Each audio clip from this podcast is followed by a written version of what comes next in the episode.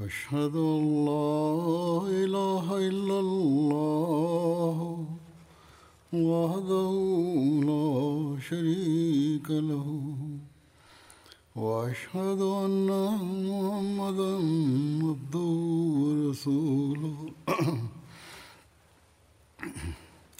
أما بعد فأعوذ بالله من الشيطان الرجيم.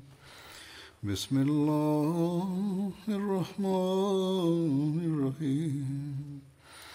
الحمد لله رب العالمين. الرحمن الرحيم. مالك يوم الدين. إياك نعبد وإياك نستعين. اهدنا الصراط المستقيم. صراط الذين أنعمت عليهم غير المغضوب عليهم ولا الضالين. يقول المسيح الموعود عليه السلام في مكان وهو يذكر فيوض القرآن الكريم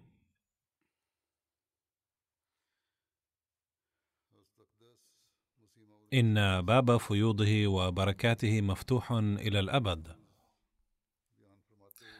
وسيبقى متميزا ومتلألئا في كل الأزمنة كما كان في زمن سيدنا ومولانا محمد صلى الله عليه وسلم.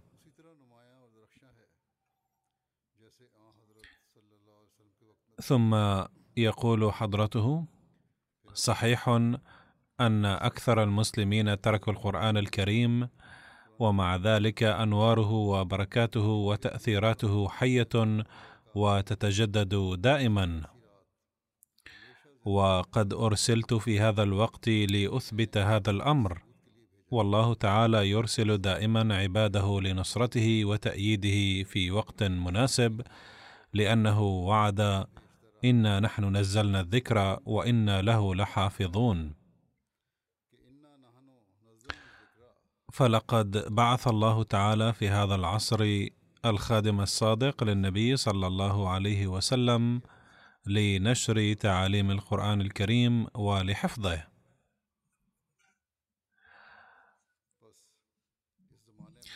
وعلمه تلك المعارف التي كانت خافية عن أعين الناس.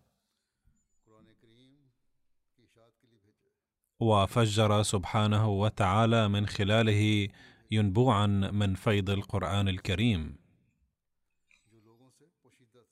بل وقد جاء لإقامة حكومة القرآن الكريم في العالم.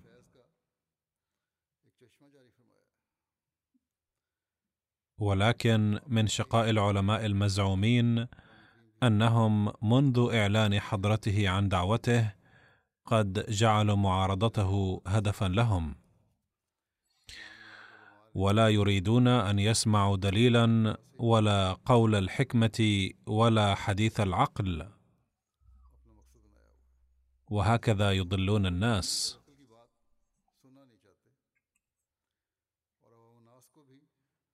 إنهم يجهلون العلوم والمعرفة ومع ذلك يسعون لوضع العراقيل في طريق من بعثه الله تعالى لهذا الغرض. ويعتبرون عملهم هذا خدمة للقرآن الكريم. إن هؤلاء العلماء يثيرون ضجة بين حين وآخر وينضم إليهم بعض الساسة والمسؤولين الحكوميين الذين يريدون كسب شهرة رخيصة. ويجعلون الأحمديين بحيل شتى عرضة للظلم. ومنذ فترة وجيزة يحاول هؤلاء مرة أخرى رفع قضايا مفبركة للتحريف في القرآن الكريم والإساءة إليه ضد الأحمديين. وقان الله تعالى من شر هؤلاء وهيأ سبل الإفراج عن الأحمديين الذين تم اعتقالهم تحت هذه التهمة الباطلة والظالمة. على أي حال كما قلت بأنه من نور تعليم المسيح الموعود عليه السلام تتجلى علوم القرآن الكريم ومعارفه وهو عمل تقوم به الجماعة الإسلامية الأحمدية وحدها. وسأتناول اليوم مقتبسات معرفية من أقوال المسيح الموعود عليه السلام وكتبه حول عظمة القرآن الكريم وأهميته ودرجته.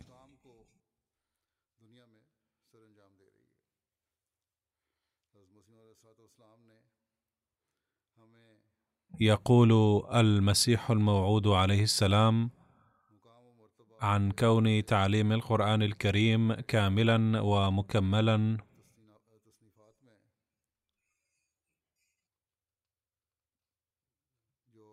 إن مذهبي هو أن القرآن الكريم كامل في تعليمه ولم تبقى حقيقة خارجه لأن الله جل شأنه يقول ونزلنا عليك الكتاب تبيانا لكل شيء أي لقد أنزلنا عليك الكتاب الذي يشمل بيان كل شيء. ويقول أيضا ما فرطنا في الكتاب من شيء أي لم نجعل أي شيء خارج هذا الكتاب.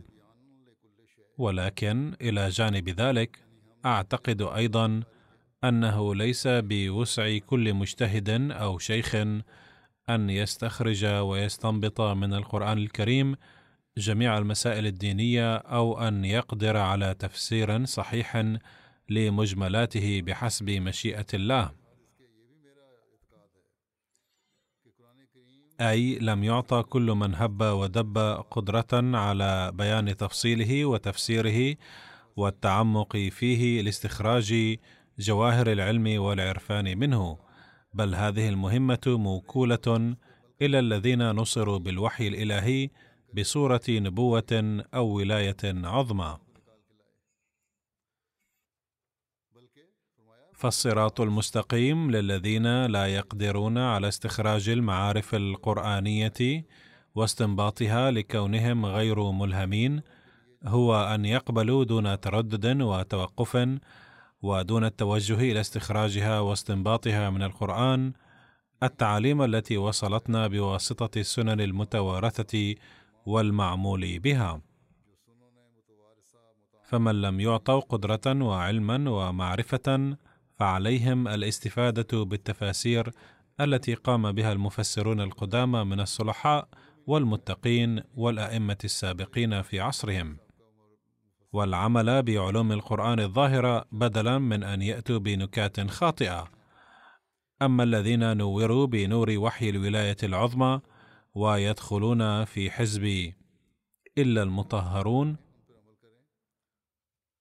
فقد جرت سنة الله معهم بلا شك أنه يكشف عليهم بين حين وآخر دقائق القرآن الكامنة أي أن الله تعالى يكشف على خواص من عباده علوم القرآن الكريم العميقة.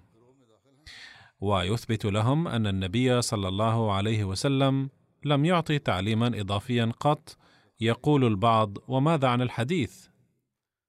قال عنه حضرته بأن الله تعالى عندما يعطي أحدا علم القرآن ومعرفته فبذلك يثبت له أن النبي صلى الله عليه وسلم لم يقل شيئا ما هو خارج القرآن.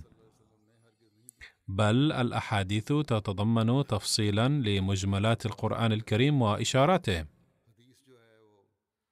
فبعد تلقيهم هذه المعرفة ينكشف عليهم إعجاز القرآن الكريم أي أن الأحاديث تتضمن إشارات توحي إلى تفسير بعض الآيات القرآنية وتفصيلها وبها تنكشف مواضيع القرآن وتتجلى أكثر.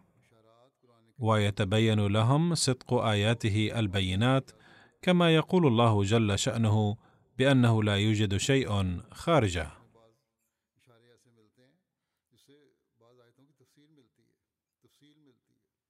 لقد بعث الله تعالى المسيح الموعود عليه السلام في هذا العصر لنشر علوم القرآن الكريم ومعرفته.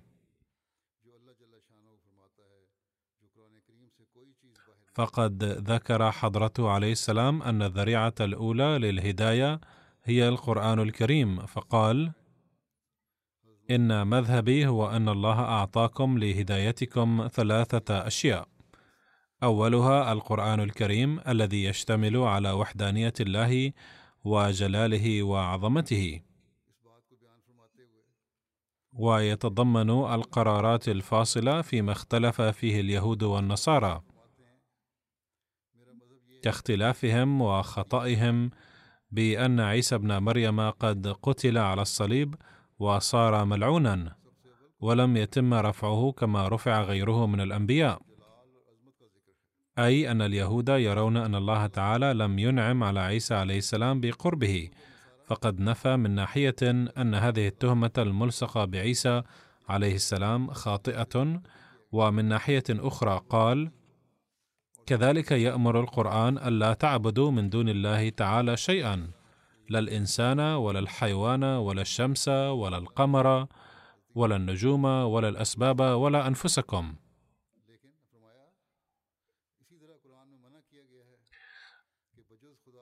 لقد نهى الله تعالى في القرآن الكريم من كل أنواع الشرك ونصح بذلك بكل وضوح وجلاء. لذلك فكونوا حذرين ولا تخطوا خطوة واحدة خلاف تعليم الله وهدي القرآن.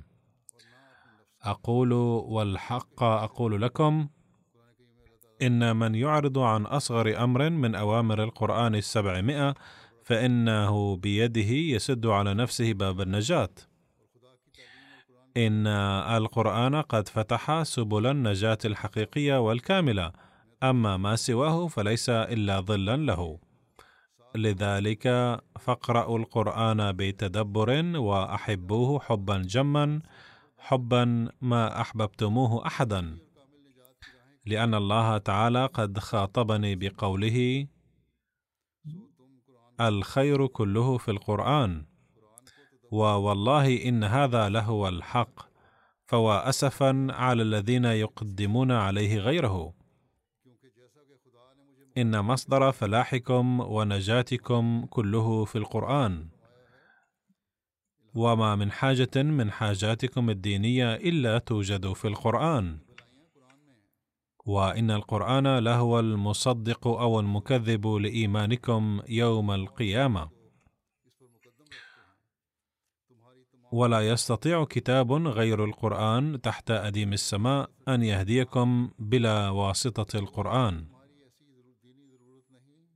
لا بد للهداية الدينية الآن أن تكون بواسطة القرآن الكريم. من كان له هذا التعليم وهذا التفكير ومن كان يوصي بذلك أتباعه أيضا هل يمكن أن يحرف شيئا من القرآن الكريم والعياذ بالله؟ ليتهم فكروا قليلا عند الاتهام. قال عليه السلام لقد من الله عليكم منة عظيمة إذ أعطاكم كتابا مثل القرآن. أقول لكم صدقا وحقا إن الكتاب الذي تلي عليكم لو تلي على النصارى لما هلكوا. وإن هذه النعمة والهداية التي أوتيتموها لو أوتيها اليهود مكان التوراة لما كفرت بعض فرقهم بيوم القيامة. فاقدروا هذه النعمة التي أوتيتموها إنها لنعمة غالية إنها لثروة عظيمة. لو لم يأتي القرآن لكانت الدنيا كلها كمضغة قذرة.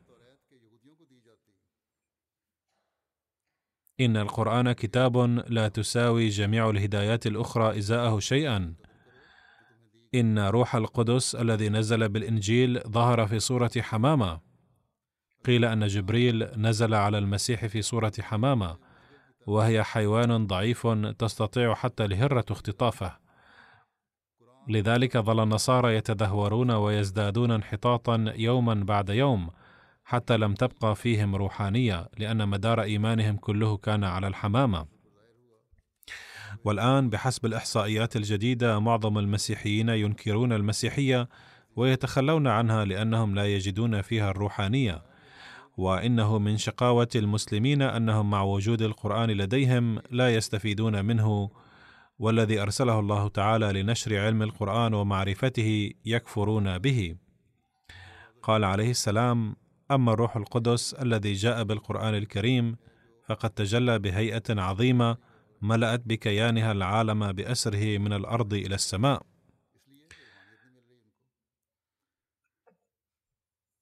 فشتان بين تلك الحمامة وهذا التجلي العظيم الذي هو مذكور في القرآن الكريم أيضا. إن القرآن قادر على تطهير الإنسان في أسبوع واحد إن لم يكن هناك إعراض ظاهري أو باطني. إن القرآن قادر على أن يجعلكم مثل الأنبياء شريطة ألا تفروا منه. أي لو عمل الإنسان على تعليم القرآن بشكل كامل والتزم بجميع أحكامه لاصطبغ بصبغة الأنبياء. وهي الدرجة الأخيرة التي يمكن أن ينالها الإنسان ببركة القرآن الكريم. قال عليه السلام أي كتاب سوى القرآن علم قراءه منذ البداية هذا الدعاء وأراهم بارقة الأمل هذه. أعني قوله تعالى اهدنا الصراط المستقيم صراط الذين أنعمت عليهم أي أرشدنا إلى سبيل نعمائك التي أرشدت إليها الأولين من المنعم عليهم من النبيين والرسل والصديقين والشهداء والصالحين.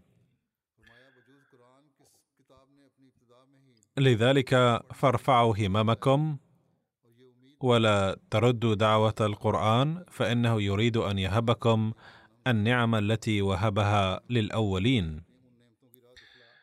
ثم بين حضرته عليه السلام أن الوسيلة الثانية للهداية بعد القرآن هي السنة النبوية والوسيلة الثالثة هي الحديث شريطة الا يكون منافيا للقرآن والسنة لأن الأحاديث جمعت بعد فترة طويلة بل بعد أكثر من مائه عام.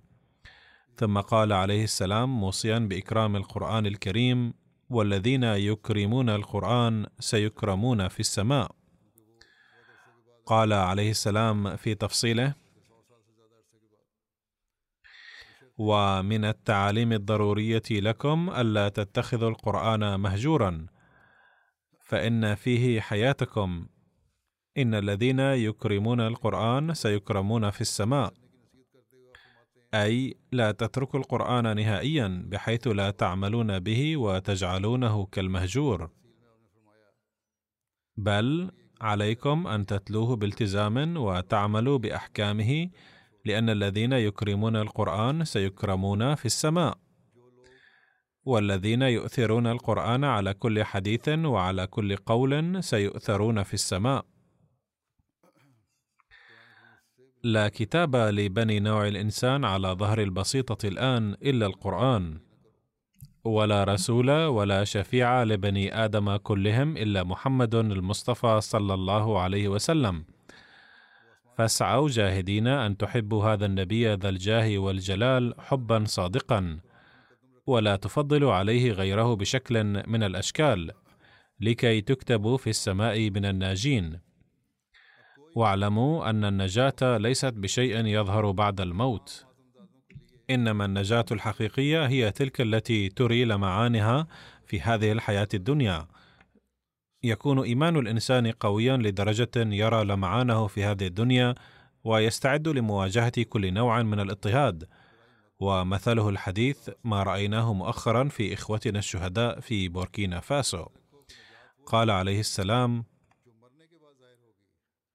ألا من هو الناجي؟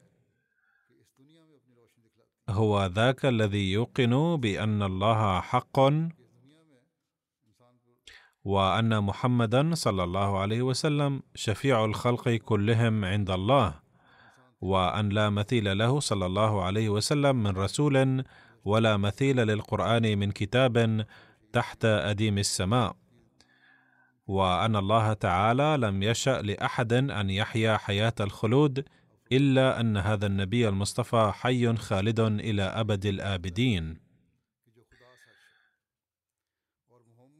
رد حضرته عليه السلام هنا على تهمة أخرى تلصق بها وهي أننا نسيء إلى النبي صلى الله عليه وسلم والعياذ بالله.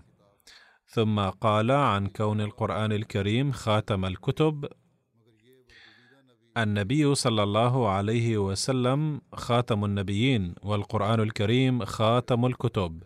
فلا شهادة جديدة بعد الآن ولا صلاة جديدة. ولا نجاة بترك ما قاله النبي صلى الله عليه وسلم وما فعله أو ما جاء في القرآن الكريم. ومن تركه فمأواه جهنم. هذا ديننا وهذا هو مذهبنا.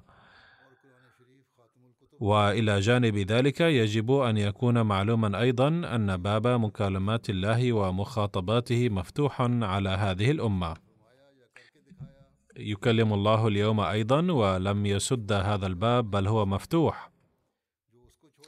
وهذا الباب يمثل شهادة متجددة ودائمة على صدق القرآن الكريم وصدق النبي صلى الله عليه وسلم. لذا علم الله تعالى في سورة الفاتحة دعاء اهدنا الصراط المستقيم صراط الذين أنعمت عليهم. ففي تعليم الدعاء للحصول على صراط الذين أنعم الله عليهم إشارة إلى الحصول على كمالات الأنبياء عليهم السلام. والمعلوم أن الكمال الذي أعطيه الأنبياء كان كمال معرفة الله تعالى.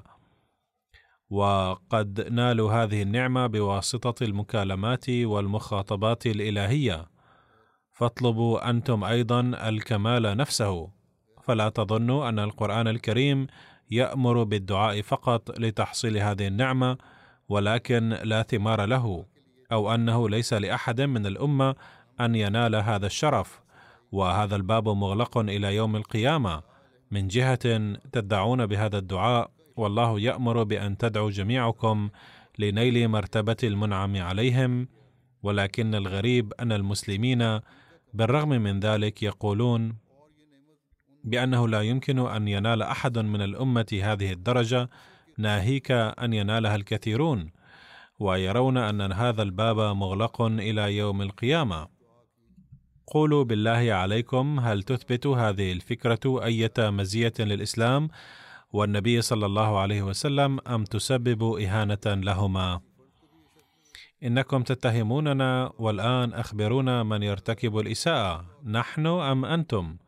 إذ تغلقون باب النعم مع أن الله تعالى قد علم هذا الدعاء لنيلها.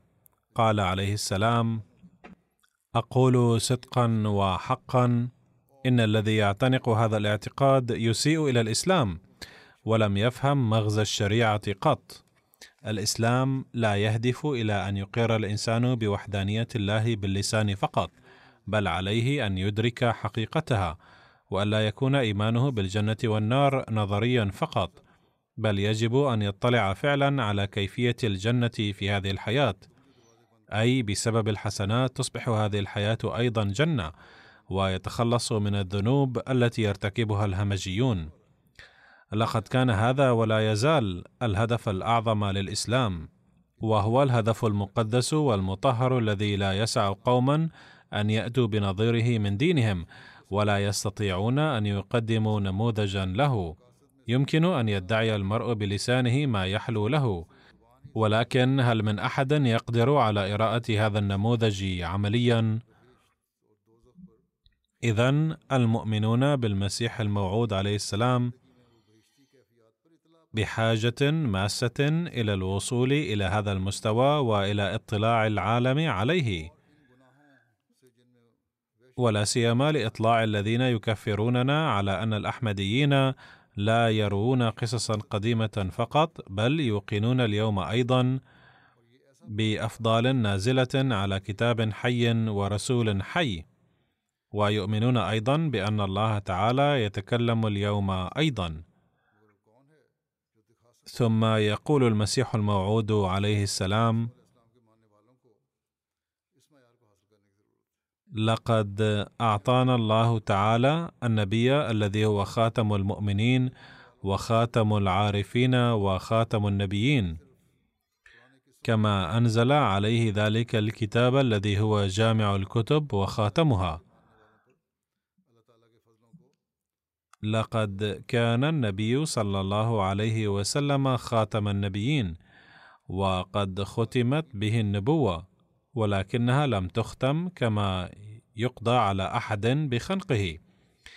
فمثل هذا الخاتم ليس مدعاة للفخر وإنما المراد من ختم نبوة رسول الله صلى الله عليه وسلم أن كمالات النبوة قد ختمت عليه طبعا. اعني أن شتى الكمالات التي أعطيها الأنبياء من آدم إلى المسيح ابن مريم منفردين قد جمعت كلها في نبينا وهكذا صار خاتم النبيين طبعا. كذلك إن كل التعاليم والوصايا والمعارف التي وردت في شتى الكتب قد ختمت على القرآن الكريم فصار خاتم الكتب. ثم يقول إن كلمة خاتم النبيين التي أطلقت على رسول الله صلى الله عليه وسلم تقتضي ذلك بحد ذاتها. ومن مقتضى هذه الكلمة بالطبع أن يكون الكتاب الذي نزل عليه صلى الله عليه وسلم خاتم الكتب وأن توجد فيه كافة أنواع الكمالات التي هي موجودة فيه في الحقيقة.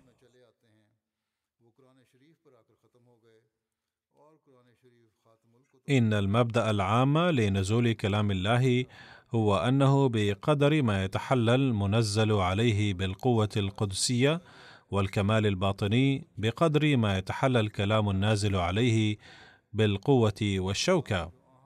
ولما كانت قوة النبي صلى الله عليه وسلم القدسية وكماله الباطني وبلوغه أعلى درجة على الإطلاق والتي لم يسبقه فيها أحد من قبل ولن يسبقه في المستقبل. لذا احتل القرآن الكريم أيضا المقام الأعلى من بين الكتب والصحف السابقة كلها الذي لم يبلغه كلام آخر. ثم يتهمنا معارضون أننا نحسب المسيح الموعود عليه السلام أعظم منه صلى الله عليه وسلم والعياذ بالله وبأننا نسيء إلى النبي صلى الله عليه وسلم. لا يسع عاقلا وعادلا أن يقول في حال وجود كلام المسيح الموعود المذكور انفا بأننا نسيء إلى النبي صلى الله عليه وسلم. يتابع المسيح الموعود عليه السلام قائلا لذا احتل القرآن الكريم أيضا المقام الأعلى من بين الكتب والصحف السابقة كلها الذي لم يبلغه كلام آخر. لأن قدرة النبي صلى الله عليه وسلم وقوته القدسية كانت تفوق الجميع وتمت عليه الكمالات كلها وكان قد بلغ قمة المقامات كلها.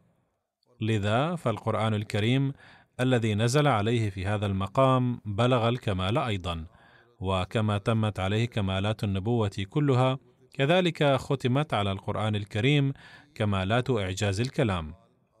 فكان خاتم النبيين وكان كتابه خاتم الكتب وكان كتابه قد بلغ منتهى الكمال من حيث المراتب وأوجه إعجاز الكلام كلها. فمن أي ناحية فحصتم سواء من حيث الفصاحة والبلاغة أو من حيث ترتيب المضامين أو من منطلق التعليم أو كمالات التعليم أو من حيث ثمرات التعليم ترون القرآن الكريم كاملا من كل جهة ويثبت إعجازه.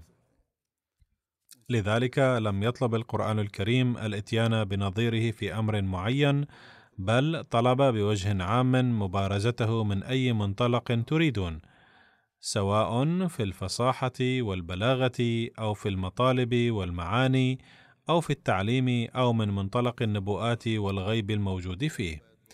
فمن أي منطلق رأيتموه تجدونه معجزة. وقال عليه السلام في مجلس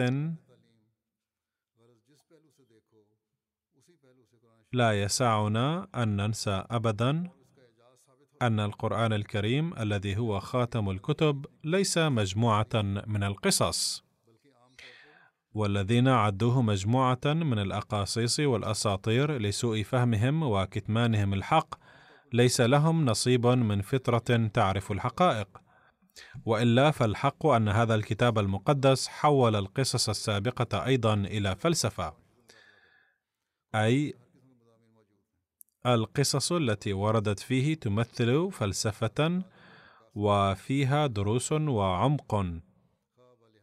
وهذه منة عظيمة للقرآن الكريم على جميع الكتب والأنبياء إذ حول تلك القصص إلى الفلسفة.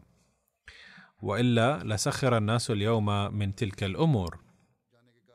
ومن فضل الله تعالى أيضا أنه أسس لكشف العلوم والحقائق السماوية في هذا العصر العلمي الذي تتقدم فيه حقائق موجودات العالم وخواص الأشياء جماعة قدمت بأسلوب علمي وفلسفي لجميع الأمور التي لم تكن لها أهمية في زمن الفيج الأعوج أكثر من قصص عادية وكانت عرضة للسخرية والاستهزاء في عصر العلوم هذا.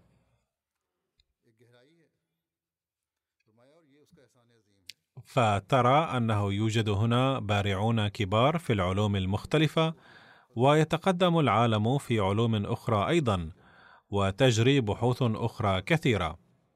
فلهذا الغرض أسس الله جماعة وقد بين المسيح الموعود عليه السلام تفسير القرآن في هذه الجماعة وبين أيضا مستفيدا من علوم القرآن الكريم كيف يتحقق الانسجام بين العلوم والدين.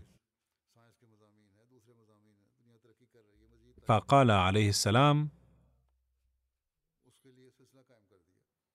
أسس الله جماعة قدمت بأسلوب علمي وفلسفي لجميع الأمور التي لم تكن لها أهمية في زمن الفيج الأعوج أكثر من قصص عادية وكانت عرضة للسخرية والاستهزاء في عصر العلوم هذا. الذي كان في الحقيقة زمن الظلام والجهل، ولم يوجد في الإسلام علماء إلا على سبيل الندرة. كانت القصص منتشرة حينذاك وكان الناس يسخرون عليها. ولكن الله تعالى أرسل المسيح الموعود عليه السلام الذي فسر قصص القرآن الكريم وأعطى معرفتها وقدم جميع تلك الأمور بأسلوب علمي وفلسفي. إذا يجب على المسلمين أن يشكروا الله تعالى على أنه أرسل بحسب وعده لبيان تعليم القرآن الكريم الحقيقي في هذا الزمن. رسوله الذي أزال تهما باطلة كلها كانت توجه إلى تعليم الإسلام. كان المسيح الموعود عليه السلام يرى الإيمان بالقرآن الكريم واتباعه ضروريا جدا بل كان يراه جزءا من الإيمان. ويقول شارحا هذا الأمر اعدوا الانحراف قيد أنملة عن اتباع القرآن الكريم واتباع النبي صلى الله عليه وسلم الحادا. هذا هو اعتقادي والذي ينحرف عنه قيد شعره فهو من أهل جهنم. لم أكتفي ببيان اعتقادي هذا في خطاباتي فقط بل شرحتها جيدا في ستين كتابا تقريبا وهذا ما أفكر به ليل نهار. كذلك يقول المسيح الموعود عليه السلام بأن معارضينا يتسرعون في إصدار فتوى الكفر ضدنا بينما كان من مقتضى العدل أنهم لو سمعوا شيئا منسوبا إلي كان عليهم أن يسألوني واضعين خشية الله في الحسبان هل قلت كذا وكذا أم لا؟ وإن قلت فقولك هذا لا يطابق القرآن الكريم لذا يجب أن توضحه ولكنهم لا يفعلون ذلك ولا يبالون بشيء بل عاقدون العزم على إصدار الفتاوى. إذا كل ما قلناه إنما قلنا في ضوء تعليم الإسلام والقرآن الكريم وهذا هو اعتقادنا وهذا ما نعمل به. يقول حضرته مبينا التوافق والانسجام بين القرآن الكريم وقانون الطبيعة إن التعليم الطاهر والكامل هو تعليم القرآن الكريم. فهو يربي كل فرع من فروع الشجر الإنساني. ولا يركز القرآن الكريم على جانب واحد فقط بل إنه حينا يعلمنا العفو والصفح بشرط أن يكونا مطابقين للمصلحة. وحينا آخر يأمرنا بمعاقبة المجرم في الظروف المناسبة عند اقتضاء المصلحة. فالقرآن الكريم في الحقيقة صورة قانون الطبيعة الماثلة دائما أمام أعيننا وإنه لا من المعقول جدا أن يطابق قول الله فعله. أي لا بد أن يعلمنا كتاب الله الحق حسب طريقة فعله البادية لنا في الكون. إننا نلاحظ في قانون الطبيعة أن الله أحيانا يعفو واحيانا أخرى يعاقب وينبغي أن يكون القانون نفسه في التعليم الديني أيضا وفي كتابه الديني هذا وهو موجود في القرآن الكريم. ولا يجوز أن يظهر من الفعل شيء ويظهر من القول شيء آخر. وإننا نجد في فعل الله أنه لا يعفو ولا يصفح دوما بل يعاقب المجرمين أيضا بشتى أنواع العذاب. وقد ورد ذكر أنواع العذاب هذه في الكتب السابقة أيضا. إن إلهنا ليس بحليم فحسب بل هو حكيم أيضا وغضبه عظيم جدا. إن الكتاب الحق هو ذلك الذي يطابق قانون الله في الطبيعة وإن القول الإلهي الصادق هو ما لا يخالف فعله. وتوصلنا مشاهدتنا إلى أن الله لم يعامل خلقه بالحلم والعفو دائما ولم يعذبهم قط. والآن أيضا أخبرني الله عن زلزلة عظيمة ومهيبة ستقضي على ذوي الطبائع النجسة فكان قد نشر نبوءة بحدوث الزلزال. ثم يقول حضرته عليه السلام القرآن الكريم هو الكتاب الوحيد في العالم الذي أثبت وجود الله وأثبت أن صفاته توافق قانون الطبيعة الموجود في فعل الله الملحوظ في العالم والمنقوش في فطرة الإنسان وضميره. إن إله المسيحيين محبوس في أوراق الإنجيل فقط فالذي لم يبلغه الإنجيل فهو يجهل ذلك الإله.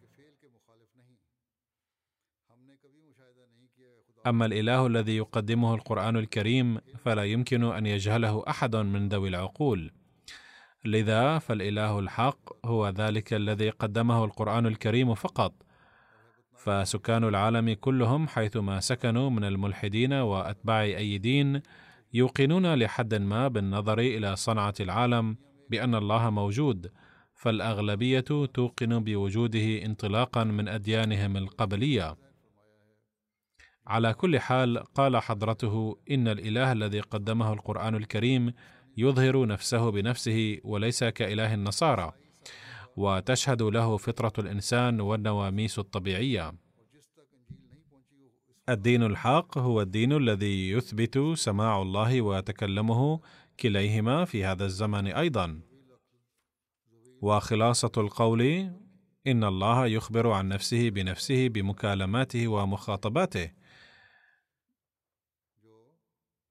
إن معرفة الله أمر عسير جدا وليس بمقدور حكماء العالم وفلاسفته أن يعرفوه لأنه لا يثبت من النظر إلى السماء والأرض إلا أن تركيبهما البالغ في الإحكام يقتضي صانعا ولكن لا يثبت منه أنه موجود في الحقيقة والفرق بين القول ينبغي أن يوجد وهو موجود واضح. وإنما القرآن الكريم وحده يخبرنا بأن هذا الإله موجودا في الحقيقة ولا يؤكد القرآن الكريم على معرفة وجوده فحسب بل يعرفه بنفسه. ولا يوجد كتاب غيره تحت السماء يخبر عن وجوده المستتر. إن إثباتات وجود الله موجود في القرآن الكريم يقول حضرته في بيان أفضلية القرآن الكريم على الإنجيل وسائر الكتب الدينية إن القرآن الكريم معجزة كاملة وحية وإن معجزة الكلام لا تبلى في أي زمن من الأزمان ولا تطالها يد الفناء. إذا أردنا أن نرى علامات معجزات موسى اليوم فأين نجدها؟ هل يملك اليهود تلك العصا اليوم؟ وهل فيها القدرة على التحول إلى ثعبان؟ وهلم جرة باختصار فإن المعجزات التي صدرت من الأنبياء جميعا انقطعت مع وفاتهم ولكن معجزات نبينا الأكرم متجددة وحية في كل حين وكل زمان. إن كونها حية وعدم وصول يد الموت إليها ليشهد بكل جلاء أن النبي وحده نبي حي والحياة التي أعطيها هي الحياة الحقيقية ولم يعطها نبي غيره. إن تعليمه حي لأن ثماره وبركاته لا تزال موجودة كما كانت قبل 1300 عام. ولا نجد الآن تعليما آخر يمكن لمن يعمل به أن يدعي أنه أعطي نصيبا من ثماره وبركاته وصار آية من آيات الله. ولكننا نجد الآن أيضا بفضل الله تعالى نماذج ثمرات تعليم القرآن الكريم وبركاته. ونجد اليوم أيضا جميع التأثيرات والفيوض التي تنال باتباع صادق للنبي صلى الله عليه وسلم. فقد أقام الله تعالى هذه الجماعة لتكون شاهدة حيه على صدق الإسلام ولتثبت أن البركات والتأثيرات التي ظهرت قبل 1300 عام نتيجة لاتباع كامل لرسول الله صلى الله عليه وسلم لا تظهر الآن أيضا. فقد ظهرت إلى الآن مئات الآيات وقد أورد المسيح الموعود عليه السلام هذه الآيات في بعض كتبه وكل يوم يطلع على الجماعة يثبت أن النبوءات التي نشرها حضرته تتحقق. وقد دعونا زعماء كل قوم ودين أن يروا بحذائنا آيات صدقهم ولكن ليست هناك آية واحدة ليظهروا بها نموذجا عمليا لصدق دينهم. إننا نؤمن بأن كلام الله معجزة كاملة ونوقن ونتحدى أنه لا يوجد كتاب يضاهي القرآن الكريم. وأقول على بصيرة أن كل أمر من القرآن الكريم آية ومعجزة في حد ذاتها. خذوا التعليم مثلا فإننا نجده معجزة عظيمة وهو معجزة في الحقيقة. وقد جاء في نظام حكيم وبحسب مقتضيات الفطرة بحيث لا يضاهيه تعليم آخر. إن تعليم القرآن الكريم متمم التعاليم السابقة كلها ومكملها. أستطيع أن أثبت بإظهار جانب واحد من هذا التعليم أن تعليم القرآن الكريم يحتل درجة عليا وهو إعجاز. فتعليم التوراة مثلا سواء نظرنا إلى الظروف الراهنة أو قولوا إن شئتم بحسب حاجات العصر فهو يصب جل تركيزه على القصاص أي العين بالعين والسن بالسن.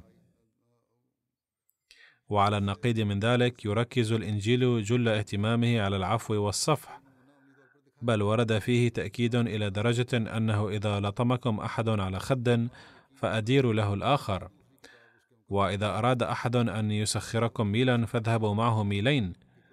وإذا طلب منكم أحد قميصا فأعطوه معطفا أيضا. كذلك سترون في كل باب في التوراة والإنجيل أن في التوراة افراطا وفي الإنجيل تفريطا. ولكن القرآن الكريم يعلم الحكمة والاعتدال ومراعاة مقتضى المحل في كل أمر.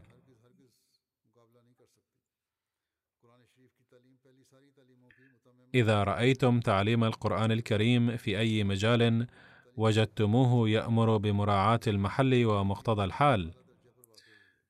إننا نعترف أن تعاليم كل هذه الكتب واحدا مبدئيا. ومع ذلك لا مجال للإنكار أن كل من التوراة والإنجيل يركز على جانب واحد فقط. ولكن القرآن الكريم وحده أعطى تعليما بحسب مقتضى الفطرة. من الخطأ القول بأن في تعليم التوراة افراطا لذا فهو ليس من عند الله تعالى. الحق أن تعليم التوراة أيضا من عند الله تعالى وكان مفيدا بحسب حاجات ذلك العصر. الواقع أن هذا التعليم المعتدل الوسطي الذي نزل في القرآن لم يكن صالحا في ذلك الوقت بل كان ذلك الزمن يقتضي تعليم الشدة كما هو في التوراة. وكان ذلك التعليم التوراتي أيضا من عند الله تعالى. لما كان التوراة والإنجيل قانونا خاصا بمكان معين فلم تهتم تعاليمهما بجوانب أخرى. أما القرآن الكريم فكان للعالم كله ولبني البشر أجمعين فكان تعليمه موافقا للمقتضيات السليمة للفطرة البشرية. وهذه هي الحكمة لأن الحكمة تعني وضع الشيء في محله. وهذه الحكمة قد علمها القرآن الكريم وحده. أما التوراة فتركز على قسوة غير مبررة كما قلت انفا وتزيد قوة الانتقام. وعلى النقيض فإن تعليم الإنجيل يشدد على العفو الذي لا طائل منه.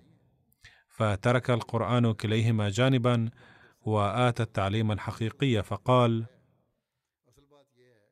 جزاء سيئة سيئة مثلها فمن عفا واصلح فاجره على الله. لقد اثبت المسيح الموعود عليه السلام فضل القران الكريم على الاديان الاخرى كلها بهذه الشجاعه والايات. كان الانجليز عندها يحكمون البلاد وكانت الكنيسه قويه مع ذلك تحدى عليه السلام القصص تحديا عاما فيما يتعلق بفضل القرآن الكريم غير خائف لومة لائم. لأنه كان مبعوثا من عند الله تعالى وأرسله الله خادما بارا لرسول الله لكي ينشر تعاليم دينه. وهذا ما نراه في أدبياته عليه السلام ووصاياه. وهذا هو ما تنشره الجماعة الأحمدية أيضا اليوم. ومع ذلك يتهمون بأن الأحمديين يحرفون القرآن الكريم ويسيئون إليه.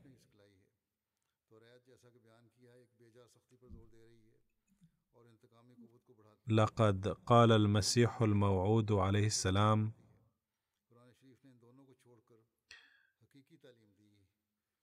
وهو يبين ضرورة القرآن الكريم وأهميته.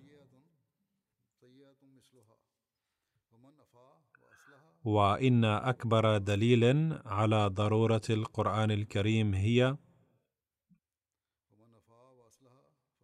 أن كل الكتب السابقة بدءا من التوراة كتاب موسى حتى الإنجيل. كانت تخاطب أمة معينة وهي بني إسرائيل. وأقرت في كلمات صريحة واضحة بأن تعاليمها ليست لفائدة الناس عامة بل تخص أمة بني إسرائيل فحسب. ولكن القرآن الكريم توخى إصلاح العالم كله ولم يوجه خطابه إلى أمة بعينها. بل أعلن بكلمات صريحة أنه نزل للناس كافة بهدف إصلاح الجميع. فهناك بون شائع بين تعاليم التوراة وتعاليم الإنجيل من حيث المخاطبين. فمثلا تقول التوراة لا تسفك دما والقرآن الكريم أيضا يقول لا تسفك دما ويظهر في باد الرأي أن القرآن الكريم أعاد نفس الحكم الذي قد سبق أن جاء في التوراة. ولكن الواقع أن الحكم القرآني ليس إعادة لنفس الحكم التوراتي بل الحق أن حكم التوراة كان خاصا ببني إسرائيل فقط. وقد نهى عن سفك الدماء في بني إسرائيل فحسب. ولكن حكم القرآن الكريم يخص العالم أجمع حيث نهى البشرية جمعاء عن سفك الدماء بغير حق. وبالمثل إن جميع أحكام القرآن الكريم إنما هدفها الأساسي إصلاح الخلائق كلهم. بينما هدف التوراة محدود في إصلاح بني إسرائيل فحسب.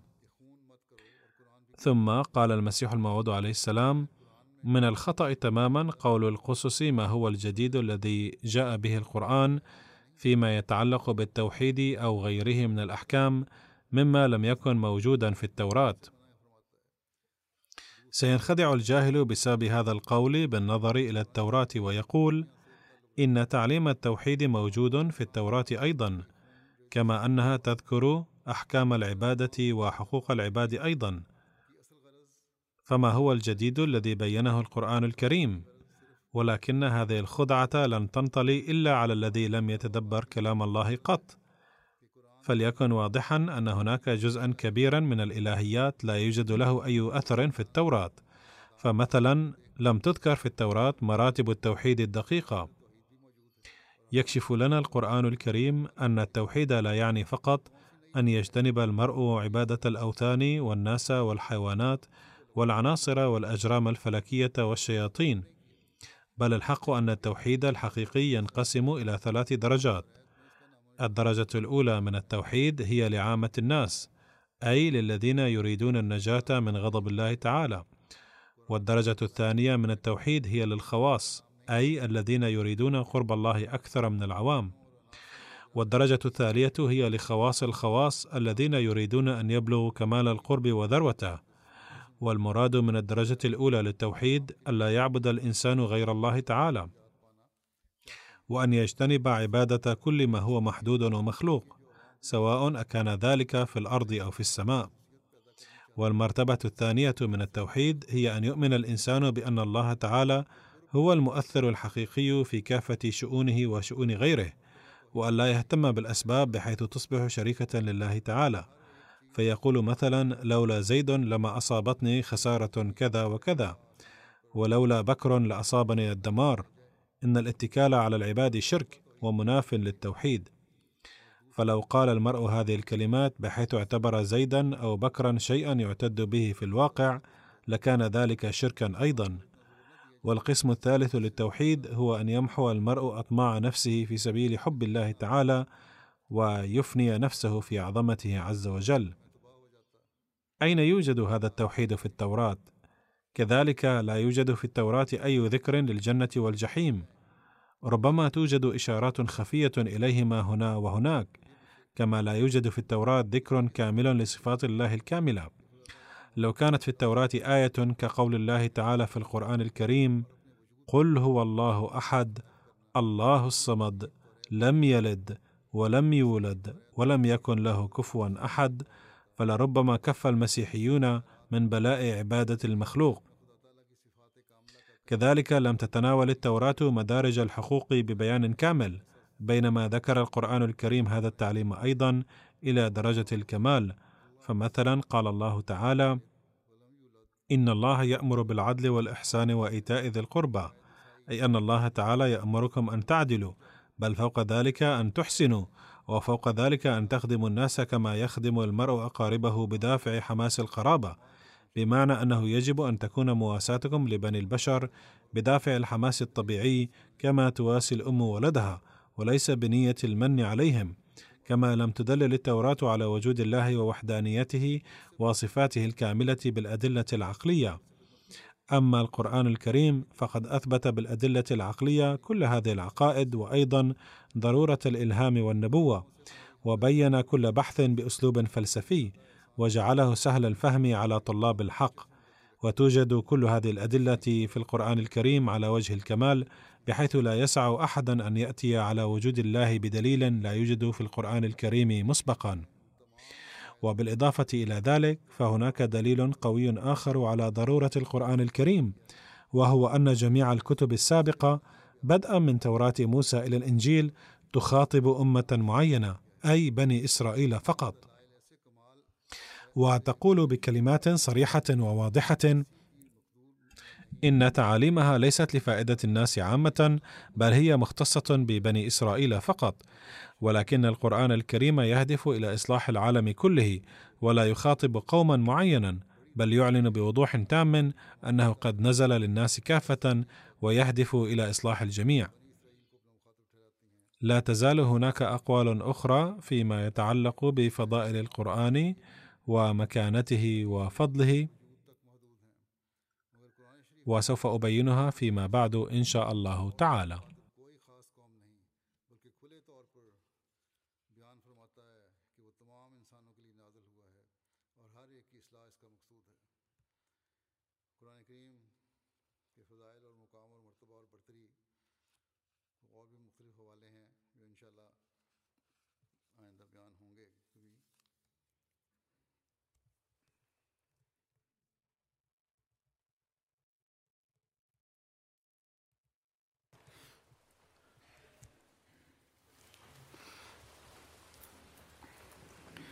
الحمد لله الحمد لله نحمده ونستعينه ونستغفره ونؤمن به ونتوكل عليه ونعوذ بالله من شرور أنفسنا ومن سيئات أعمالنا.